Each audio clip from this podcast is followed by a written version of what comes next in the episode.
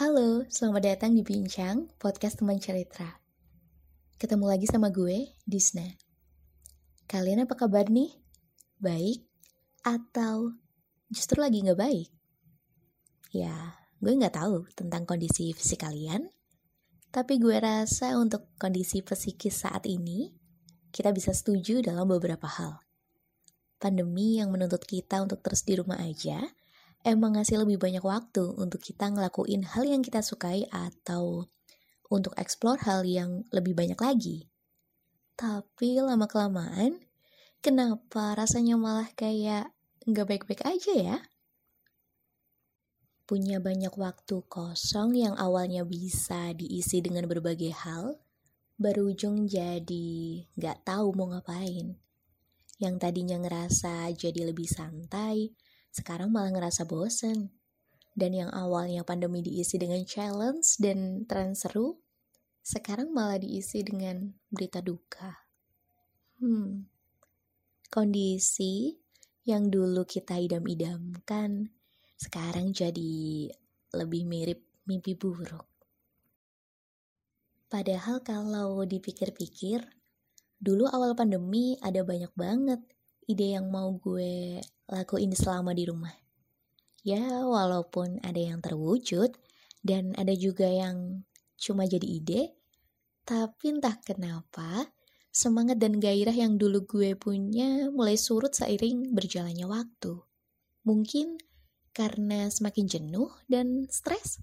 Sampai pada akhirnya adanya waktu kosong tuh sama aja kayak ngasih waktu untuk overthinking. Kalian ngerasa gitu juga gak sih? Terutama di malam hari, ketika lagi nyoba untuk tidur tapi gak bisa. Terus otak otomatis mikirin apa pun itu yang malah bikin kita makin banyak pikiran. Sampai akhirnya berlabuh di kecemasan. Suka gitu gak sih? Entah khawatirin masa depan, orang lain, atau diri sendiri. Belum lagi kalau mikirin COVID. Cemas karena khawatir bakal tertular, khawatir orang tua yang akan tertular, atau cemas kalau-kalau pandemi ini nggak akan berakhir dan hidup seperti normal lagi nggak akan pernah terwujud. Mulai muncul pikiran-pikiran kayak, kenapa ya gue selalu ada di titik yang sama? Apa bisa gue bikin bangga orang tua? Ke depannya gue bisa sukses gak sih? Uh, rasanya kayak gak ada hari tanpa kecemasan. Padahal cemas itu wajar. Bahkan diperluin loh untuk mendorong kita jadi lebih baik. Tapi gak jarang, rasa cemas malah menguras tenaga dan pikiran. Ngebuat kita jadi makin lelah. Kalian pernah gak merasa gitu? Ketika mulai merasa cemas dan khawatir yang berlebihan, gak rasional, serta gak masuk akal selama minimal 6 bulan, rasa cemas yang tadinya normal dapat berubah menjadi sebuah gangguan kecemasan atau anxiety. Tapi jangan lupa, untuk tahu kita punya anxiety atau enggak, tentunya diperlukan diagnosis dari pihak profesional ya. Menurut Organisasi Kesehatan Dunia atau yang biasa dikenal dengan WHO, kasus anxiety meningkat dari 3,8% jadi 5,4% dari populasi global pada 8 bulan pertama pandemi. Wah, kebayang nggak tuh?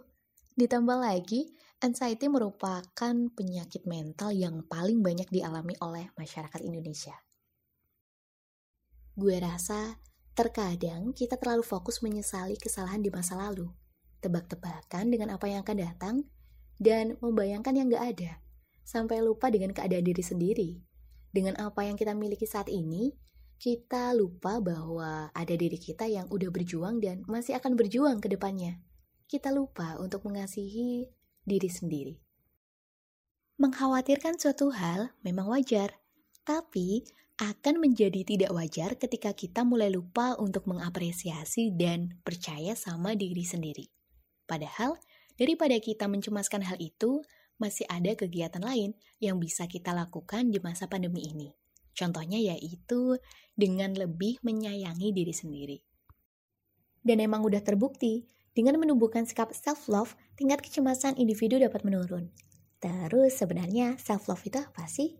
Nah, menurut salah satu sumber yang gue baca, self-love merupakan sikap mengapresiasi dan mengenali diri sendiri. Self-love sendiri memiliki empat aspek, yaitu self-awareness, self-worth, self-esteem, dan juga self-care. Lalu kira-kira apa sih yang bisa kita lakuin untuk menumbuhkan sikap self-love? Yang pertama yaitu dari aspek self-awareness atau kesadaran diri. Lo bisa mulai dengan menuliskan pengalaman emosional lo setiap harinya. Mungkin juga lo bisa nambahin hal-hal yang lo cemasin di hari itu. Yang kedua yaitu self-worth atau harga diri. Selain menuliskan pengalaman emosional lo, lo juga perlu nulis hal-hal apa aja yang lo syukuri tentang hari itu. Tujuannya ya biar kita tetap ingat kalau masih ada banyak hal baik tentang diri kita. Yang ketiga yaitu self-esteem atau kepercayaan diri. Bisa lo mulai dengan lebih fokus pada keberhasilan lo selama ini. So, daripada fokus ke hal yang buruk, coba untuk lebih fokus ke hal yang positif. Dan yang terakhir adalah self-care atau merawat diri. Ini ada banyak sih. Misalnya dengan rutin pakai skincare, punya me time kurang lebih 30 menit setiap harinya, olahraga, dan hal-hal positif lainnya yang bisa kita lakuin selama di rumah. Sekali lagi, cemas itu perasaan yang wajar. Mencemaskan berbagai hal pun merupakan perilaku yang wajar. Tapi percaya deh, ada lebih banyak hal yang bisa lo syukuri dan lakuin daripada merasa cemas. Gue pun yakin lo udah ngelakuin yang terbaik dan semua akan baik-baik aja. Mungkin bukan sekarang, mungkin besok, lusa, bulan depan, atau bahkan dua tahun lagi. Dan itu nggak apa-apa. Semua ini proses yang perlu kita lewati. Percaya sama diri lo sendiri, dan semua akan baik-baik aja pada waktunya. Ya intinya, daripada cemas, jangan lupa untuk bahagia ya.